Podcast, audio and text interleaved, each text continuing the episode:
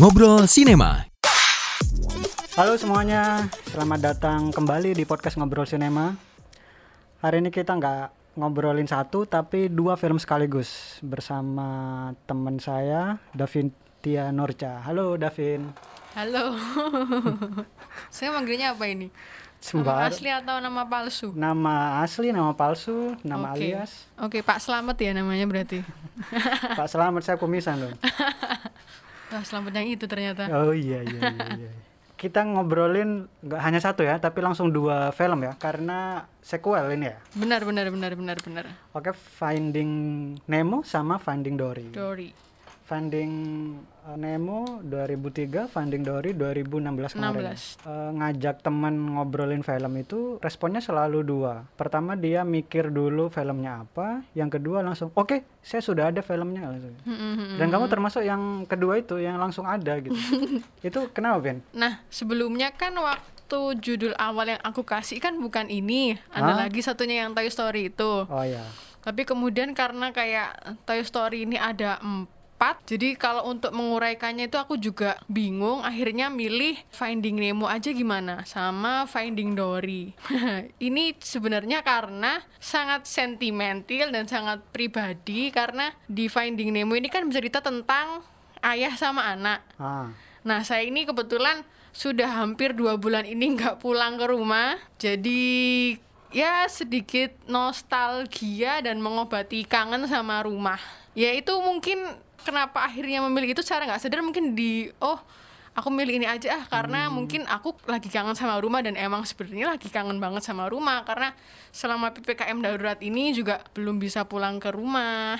Tapi emang Finding Nemo keren sih, bagus sih. Parentingnya, pokoknya banyak lah ya hubungan orang tua sama anak terutama ya. Kalau di Finding Nemo ya. Mm-mm. Kalau Finding Dory kan langsung ke persahabatan. Mm-mm. Bener bener bener bener bener. Hubungan semacam apa yang kamu rindukan? Ya jalan-jalan, bukan Ah. jalan-jalannya sih. eh kasih sayang perjuangan orang tua ke anaknya gitu. Karena kan si Nemo ini anak satu-satunya Hmm. dan dia anak bukan anak sih, telur. eh janin. Ya, ya, Kok ya. telur sih? Janin satu-satunya dari ratusan sekian yang akhirnya dia selamat Hmm, hmm, hmm. karena dia yang the chosen one gitu istilahnya jadi Wow. kayak ya seneng aja sih karena nah kalau ini eh, versi panjangnya adalah mungkin teman-teman semuanya juga ingat kalau di hari Minggu selain kalau di pagi hari kita nungguin eh, film kartun di RCTI atau di Indosiar itu kalau pagi. Kalau siang dikit kan jam 1, jam atau sore atau habis maghrib itu selalu kalau nggak di Global TV ya RCTI boleh mention boleh sih? dong, boleh. Oh, iya. Kita ini siapa? itu kan mesti siapa sih yang denger buka nggak kita kan mesti kalau di hari Minggu akhir pekan itu dua film eh film-film kartun itu selalu yang nemenin kita Hmm. jadi kalau nggak siang ya selepas maghrib itu filmnya dan selalu itu itu aja kalau setelah di Global TV pasti nanti RCTI muncul kalau nggak itu nanti di RCTI muncul setelahnya besoknya atau sorenya di Global TV jadi kayak dan film itu yang kemudian eh, saya tonton sama keluarga di rumah. Jadi ketika kita ya hari Minggu kan hari keluarga ya weekend tuh hari keluarga. Jadi ya akhirnya film-film kartun, film-film Pixar, film-film Disney itu yang akhirnya kita tonton bareng-bareng dan akhirnya jadi mulai dari saya kecil sampai sekarang itu yang se yang disukai dan kita kalau di rumah itu suka nonton bareng itu nyewa CD-nya waktu dulu masih zaman boomingnya DVD-nya terus kemudian kita streaming bareng nonton bareng di rumah gitu. Akhirnya kangen rumah kan jadi tambah kangen ya apa ini? Saya ingat di salah satu scene-nya itu Mm-mm. Nigel, Nickel Nigel ya. Burung Mhm. pelikan itu dia ngasih tahu kan ada desas-desus tuh. Mm-mm. Ada clownfish sama ada ikan biru yang sedang berenang ke sini mencari anaknya yang sedang hilang katanya. Mm-mm. Habis itu itu nggak mungkin ayah saya kata si Nemo kan yang Nemo. diceritain. Tapi habis itu dia ngasih tahu ciri-ciri khasnya, habis itu baru dia percaya. Kayaknya semua orang bakal relate bahwa kita tuh nggak pernah tahu pengorbanan orang-orang yang mencintai kita sebenarnya. Tapi setelah kita tahu, ya udah terlambat, mbok. Maksudnya? Akhirnya Nemo langsung termotivasi kan untuk untuk bisa get out dari Iya. akuarium itu. dari awal kan si Nemo emang ayahnya ini kan digambarkan sebagai sosok yang penakut. Bahkan untuk keluar dari anemon Mhm. dari tempatnya dia tinggal aja yang kayak harus maju mundur maju mundur lihat kanan kiri lihat kanan kiri. Akhirnya mungkin kayak ayahku ini ngapain sih? Kok nggak percaya banget sama aku? Akhirnya kemudian dia kan membuktikan dirinya dengan aku berani loh berenang di laut lepas. Terus kemudian sampai gedok-gedok kapalnya si dokter gigi yang kemudian nangkep dia dan dia dipelihara di akuarium di rumah eh di kliniknya itu Itu Marlin trauma kayaknya ya. Di awal kan ikan barakuda ya. Kalau Oh, saya lihat iya, sih iya, iya, iya. Dan juga karena tumbuh dengan trauma itu, akhirnya dia mewariskan ke anaknya. Sumpah ini persis banget dengan kehidupan manusia pada umumnya sebenarnya. mewariskan traumanya itu kepada anaknya, dikekang ini itu, diatur kebebasannya. Dan si anak melawan. Mm-mm. Sering banget itu kita jumpai di sekitar kita ya, Mbok. Nah, tapi ngomongin itu juga ternyata si sutradaranya ini yang saya lupa namanya Andrew ternyata itu-. Nah, eh, ternyata dia itu berangkat dari pengalaman Oh, iya? pribadinya dia sebagai ayah baru. Oh. Jadi dia merasa kayak ini tuh hal-hal protektif yang dilakukan seorang ayah ketika dia punya anak gitu loh dia akan kayak membatasi ruang geraknya tapi karena ya dia pengen tahu apa sih karena dia sudah pernah di situ dan dia pengen ngasih yang terbaik dan melindungi si anaknya ini tadi gitu Oh gitu ya ternyata. Mm-mm. Dari pengalamannya dia, dari keresahannya dia, dia salurkan menjadi cerita itu ya. Mbak. Mm-mm. Pas si Nemo menentang terus dia ke atas loh dengan mukanya yang sok ngancem gitu terus ngetuk kapal tek. Mm-mm. Pas ada penyelam gitu dia ah Iya iya kurang iya. Sok-sokan sih kan. Sok-sokan. Ngelawan kualat itu sama ayahnya Iya, itu iya kan. betul, kualat Iya kan? itu, kualat. Jangan kualat sama ayah makanya. Pas ada di akuarium itu menurut saya itu yang penggemblengannya si Nemo kan akhirnya dia jauh dari orang-orang nyamannya dia, Mm. jauh Dan dari lingkungan nyamannya Ah. dia, comfort zone-nya. lingkungan baru di akuarium itu kalau di kehidupan saya kayak di boarding school gitu, kayak di pesantren. saya juga mengalami hal itu dulu. Mm-mm. Jadi harus beradaptasi. Tapi justru di sana banyak ngajarin hal-hal yang baru dan memotivasi untuk melakukan hal-hal yang berani, Mbok. Mm-mm. Nah, ini kan kalau si eh, Nemo kalau selama dia masa penggemblengan itu dia punya nama baru, Sharkbait. Sharkbait. Sharkbait. Nah, kalau Mas Kit ini apa? Selama di pesantren apakah ada nama baru? Selamat itu tadi apakah tercipta di situ atau nama-nama lainnya? Congratulations. Congratulations. Bisa, bisa. Jadi dulu waktu di, di pesantren itu kan ada eh, kita bisa nonton film itu hanya ketika ada program bilingual, entah itu bahasa Arab atau bahasa Inggris. Mm-mm. Kadang-kadang guru saya ini eh, ngajak ke lab bahasa, Mm-mm. terus nonton film-film yang bisa meningkatkan pengetahuan bahasa Inggris. Selain bahasa Inggrisnya, kita juga belajar dunia laut yang jarang diketahui orang lain gitu. Ya, itu Bukan hanya nambah kosakata bahasa Ya, Inggris ya. tapi juga ada knowledge tentang laut Hmm, di dalam itu- film itu juga. saya baru tahu dari kamu tadi kenapa ikan badut ternyata tidak hanya jantan. Apa tidak? enggak. Dia hanya kelaminnya hanya jantan sebenarnya. Ah. Jadi kan eh, kalau ikan lainnya biasanya dia eh, lahir eh bukan lahir, netas itu dalam jumlah langsung banyak ratusan bahkan. Nah, kalau clownfish ini cuman ada 5 sampai 6 ekor. Nah, dua ikan terbesar itu yang paling besar pertama itu yang jadi betinanya, sedangkan yang eh, terbesar keduanya itu yang jadi jantannya. Jadi sebenarnya mereka semua jantan, cuma yang berperan bisa sebagai betina itu adalah yang paling besar pertama. Jadi dia yang bisa hamil, yang bisa hamil, yang bisa bertelur maksud saya. Itu hermafrodit bukan ya? Tapi sepertinya bukan deh. Oh, bukan. Atau dia cuman nah itu, hanya dia bisa mengubah kelaminnya berdasarkan bentuk tubuh. Sepertinya begitu. Tapi dia sekali lahir langsung banyak gitu kan? Mm-mm. Habis itu dimakan barakuda gitu. Wih, Mm-mm, mm-mm. Benar. Saya sukanya juga sama Pixar itu risetnya beneran dilakukan dengan sungguh-sungguh. Film fiksi tapi menyertakan fenomena yang ada di dunia nyata. Mm-mm. Kayak arus laut gitu kan. Oh, EAC, East Australia Coast. Ternyata pas saya googling-googling beneran ada di Australia itu dan di sepanjang perairan yang ada di samudra-samudra gitu. Mm-mm. Dan menurutku keren banget sih ada semacam arus laut yang bebas hambatan kayak tol gitu kan. Iya iya. Tapi itu pusarannya kuat banget loh itu. iya, kuat banget itu. Yang sampai apa si Penyu. ah, ah, ah. Oh. Kura-kura itu ke bawah tapi dia bisa berenang dengan santainya nggak kayak gopoh di dalam arus air gitu Iya, dia pa- Gimana ya? pasrah aja kayaknya. iya iya kayaknya Pasrah membiarkan arus membawamu. Iya, Bo. sampai tapi kan waktu dia mau dikeluarin si Nemo, eh, Nemo sama Dorinya ini kan akhirnya mereka kayak bikin formasi formasi baris berbaris Hmm? biar mereka ini bisa keluar, bisa melawan kuatnya arus ini karena ketika sebenarnya ketika mereka sudah di luar dari pusaran ini arusnya udah tenang, arusnya udah ya nggak se, se se apa ya seru seruat bukan se sekuat waktu di dalam pusaran itu di Ah, AA EAC itu tadi. Waduh, aku habis ini jadi nganu aja oceanographer kayaknya. aku. Kalau yang di Finding Dory kan dari Australia, dari perairan Australia itu ke California ya. Mm, mm, mm. Nah, saya baru tahu kalau ternyata latar tempatnya yang Finding Nemo ini ya di perairan Australia itu. Hmm, Namanya itu Great Barrier Reef di Mm, negara mm, bagian mm. Queensland dan itu Mm. emang perairan koral yang sangat Bagus. panjang, sangat besar katanya. oh, Nah, gitu. baru yang di Dory. Finding Dory karena sudah tahu tentang arus itu, produksi film mungkin langsung mengambil jalan pintas itu bahwa ceritanya ya bisa langsung singkat tanpa harus bertele-tele gitu Iya, kan iya, karena iya. ada arus laut itu gitu. Mm, mm, mm. Menurutmu lebih berkesan mana Finding Dory atau Finding Nemo? Oh, pasti Nemo. Iya.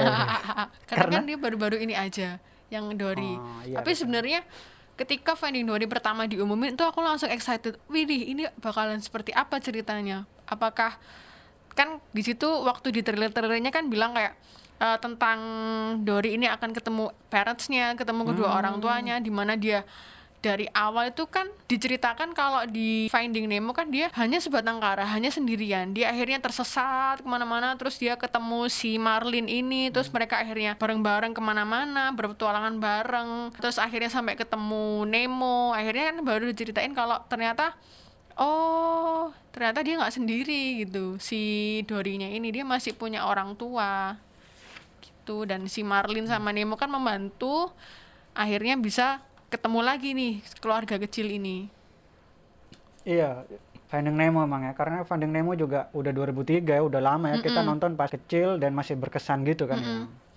aku masih TK waktu itu kalau masih kayaknya udah tua.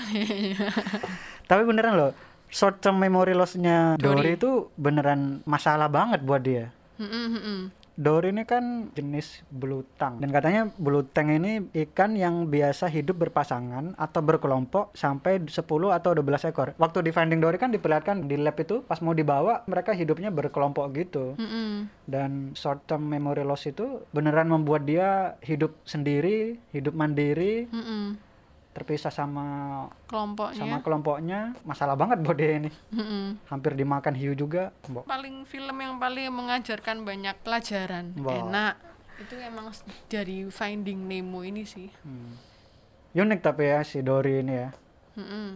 Finding Dory dan Finding Nemo Dory ini impulsif gitu.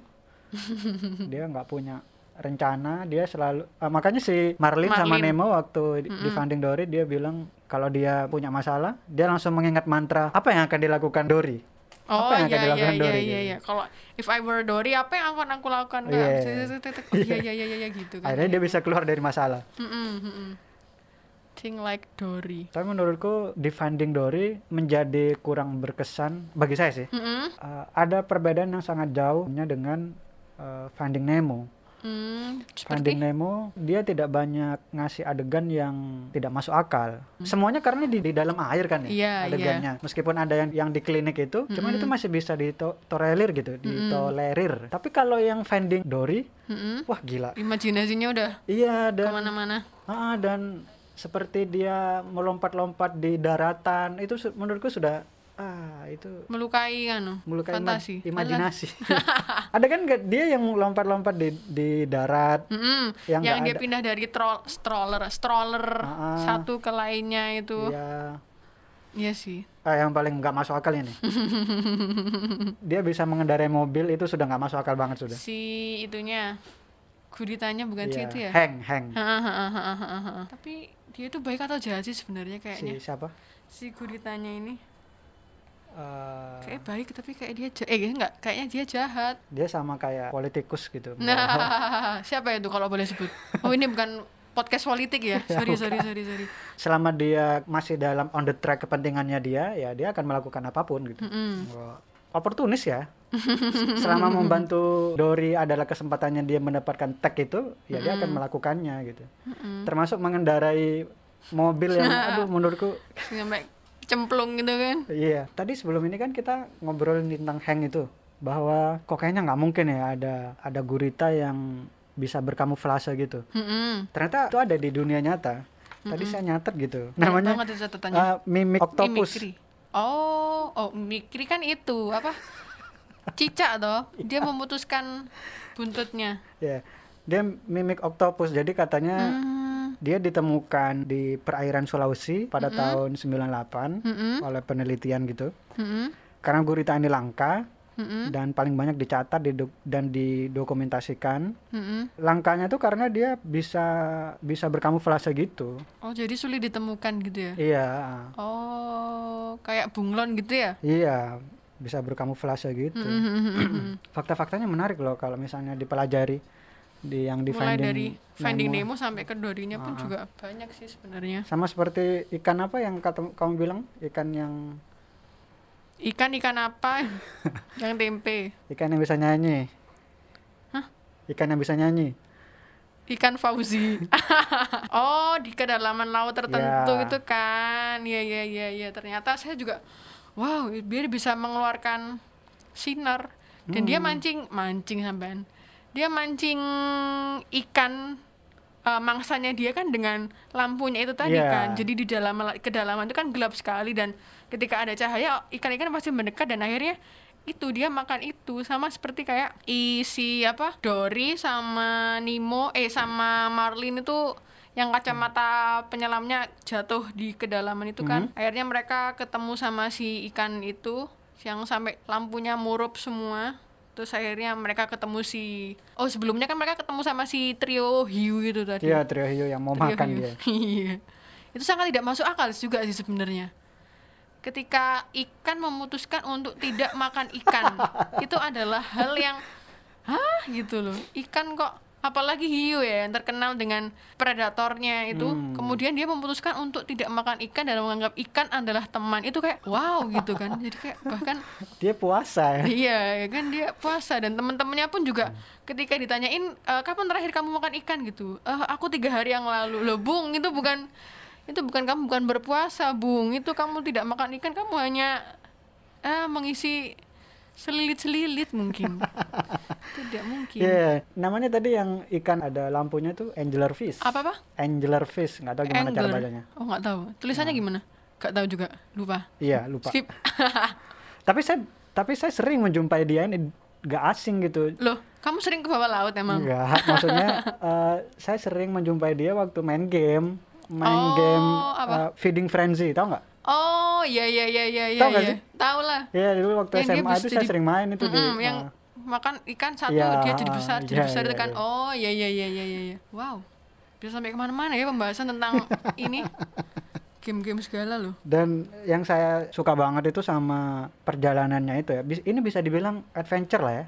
Mm-mm, adventure science fictionnya juga ada ya semua ini kan science Oh, tapi iya, iya. fiksi gitu loh Pas melintasi lautan ubur-ubur itu juga hmm, saya juga deg-degan ih ini berhasil nggak ya berhasil nggak ya oh, berhasil ternyata tapi boing boing kan si itu menganggap itu kayak arena balapan jadi boing boing aduh sampai inget aku si Dori ngomong boing boing iya Ya kan? dia, dia kayak nggak punya beban gitu ya Bener. Emang lupaan ya kan. Jadi Iya. waktu dia ketemu sama siapa pun dia juga bakal ngomong kayak ketika dia ngomongin ini ikan eh, sama yang gerombolan ikan itu Hmm. kan dia kayak ah eh, dia kehilangan anaknya yang bernama Fabio. Fabio padahal kan namanya Nemo kan dia menjelaskan kepada ikan-ikan tuh Fabio gitu. Hah, kok Fabio sih? Aku yang ini kayak guyu dan dia Dori ini sangat lost kan.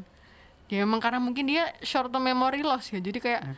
dia menganggap semua tuh hal itu kayak ya sudah dia nggak ada kayak kesedihan gitu jadi kayak dia memotivasi bahkan sampai si Marlin ini kan judek sih sama dia. Ya karena sebenarnya dia kesel aja.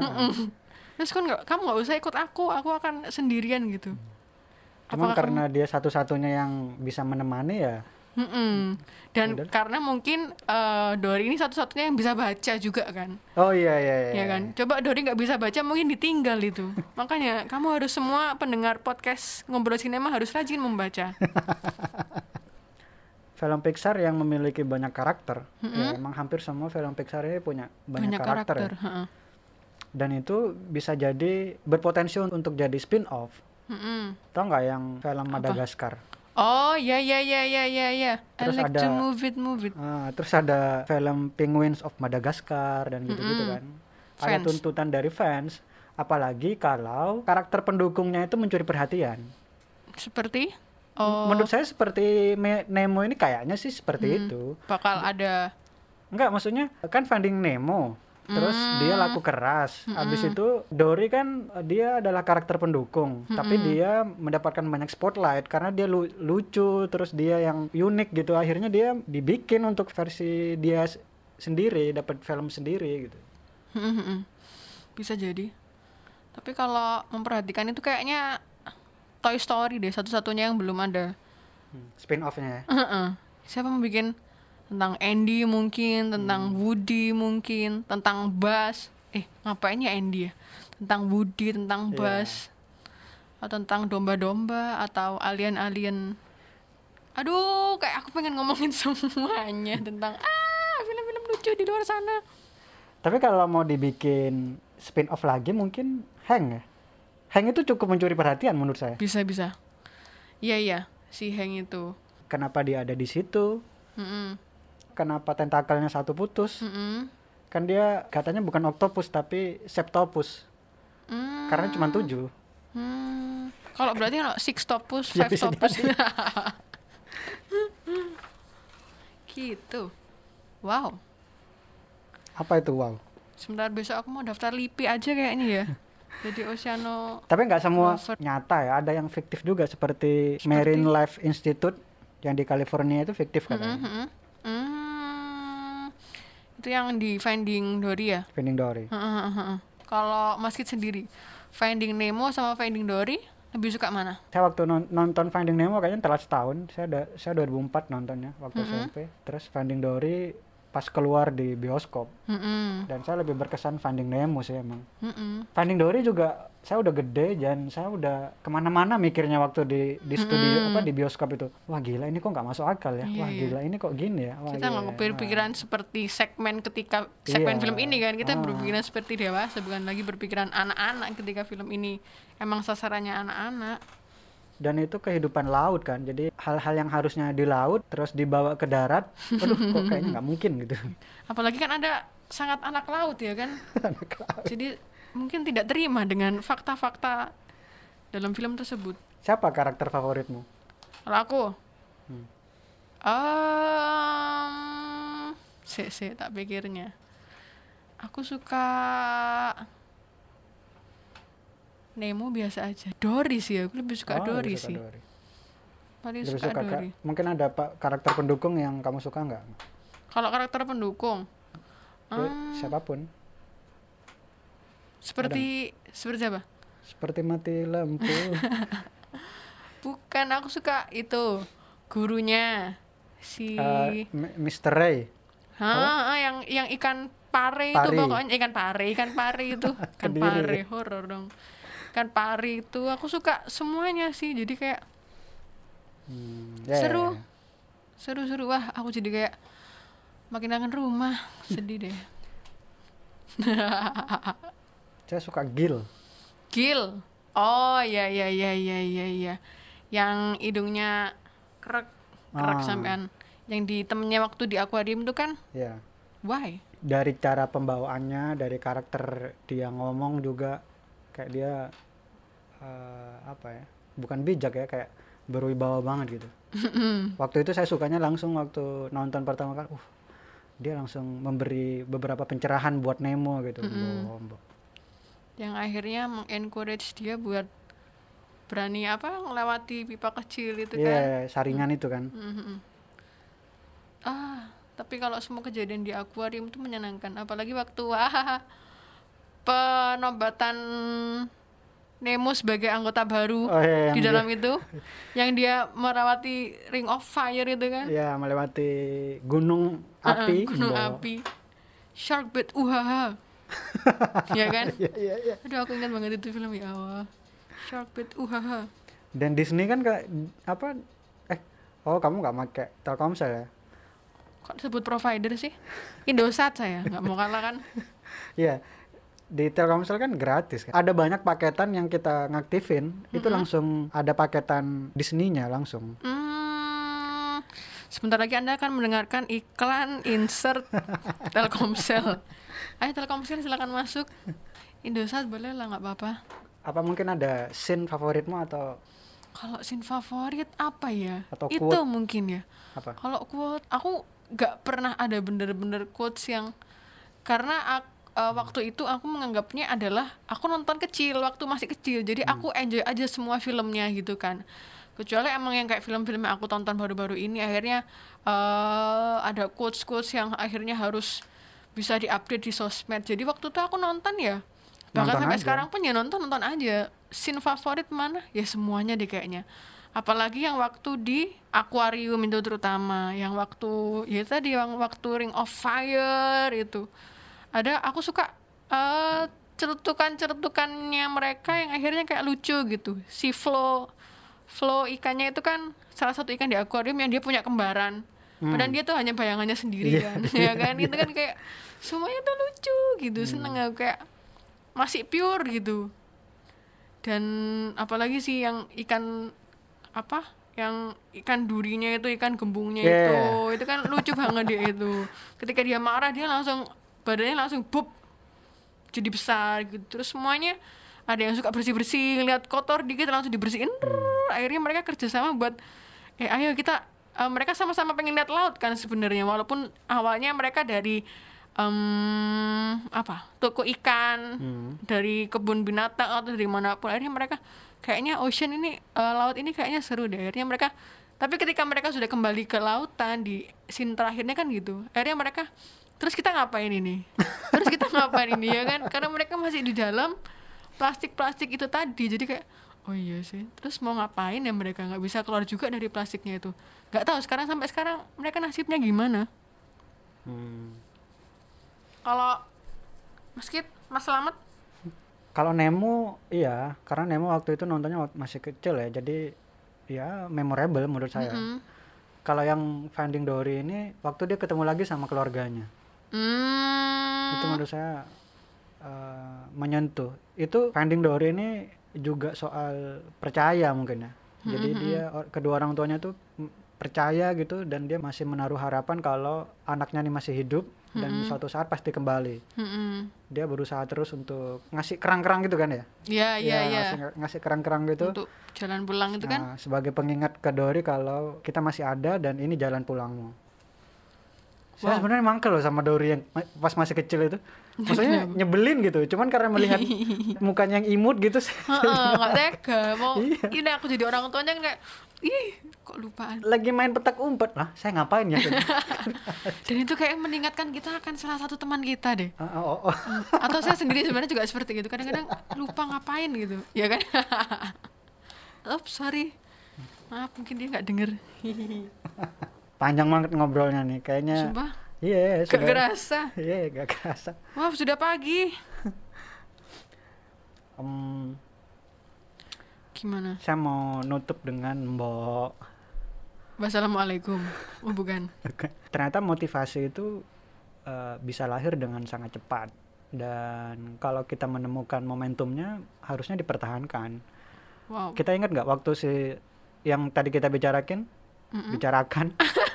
Si siapa? Nemo Mm-mm. yang dengar ceritanya Nigel. Kalau si eh, bapaknya itu sedang mencarinya dia gitu.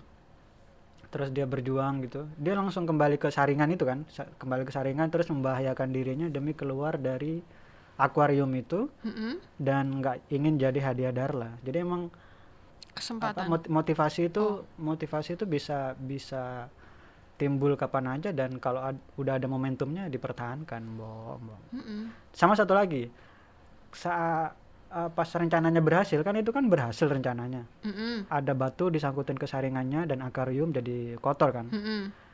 nah ternyata habis itu ada cara praktis dengan mesin buat membersihkannya Ah iya iya benar benar benar benar. itu nunjukin bahwa nggak semua usaha kita itu akan berhasil Mm-mm. Saya nggak bilang kalau kita nggak akan berhasil kalau tidak menyerah, tapi kalau kita menyerah nggak ada lagi yang tersisa. Mbok, mbok. Waduh. Ayo warga Indonesia. keren, keren. Oke, Pin itu ah, sangat menarik itu. Finding Nemo terutamanya sangat memorable banget itu. Mhm. Kayaknya bagus banget kalau uh, ini direkomendasikan buat tontonan keluarga ya. Iya, Dan apalagi sudah ada di aplikasi legal ya. iya, iya, benar, benar, benar. Tapi nggak ada di Netflix, Pak. Nggak Saya ad- nggak nonton nggak ada Netflix. karena punyanya Disney Oh iya benar sih. dan Disney punya app sendiri. Mbok. Iya, jadi ayo Disney tolong endorse podcast ini biar saya seenggaknya bisa download Oh, lah. kamu langganannya Netflix ya? Iya benar, Pak. Makanya. Oke, teman-teman, kita akan jumpa lagi di episode selanjutnya ngobrol sinema. Dah, Pin Dadah. sama terima kasih Pin ya. Ya ya ya ya ya, Pak Selamat.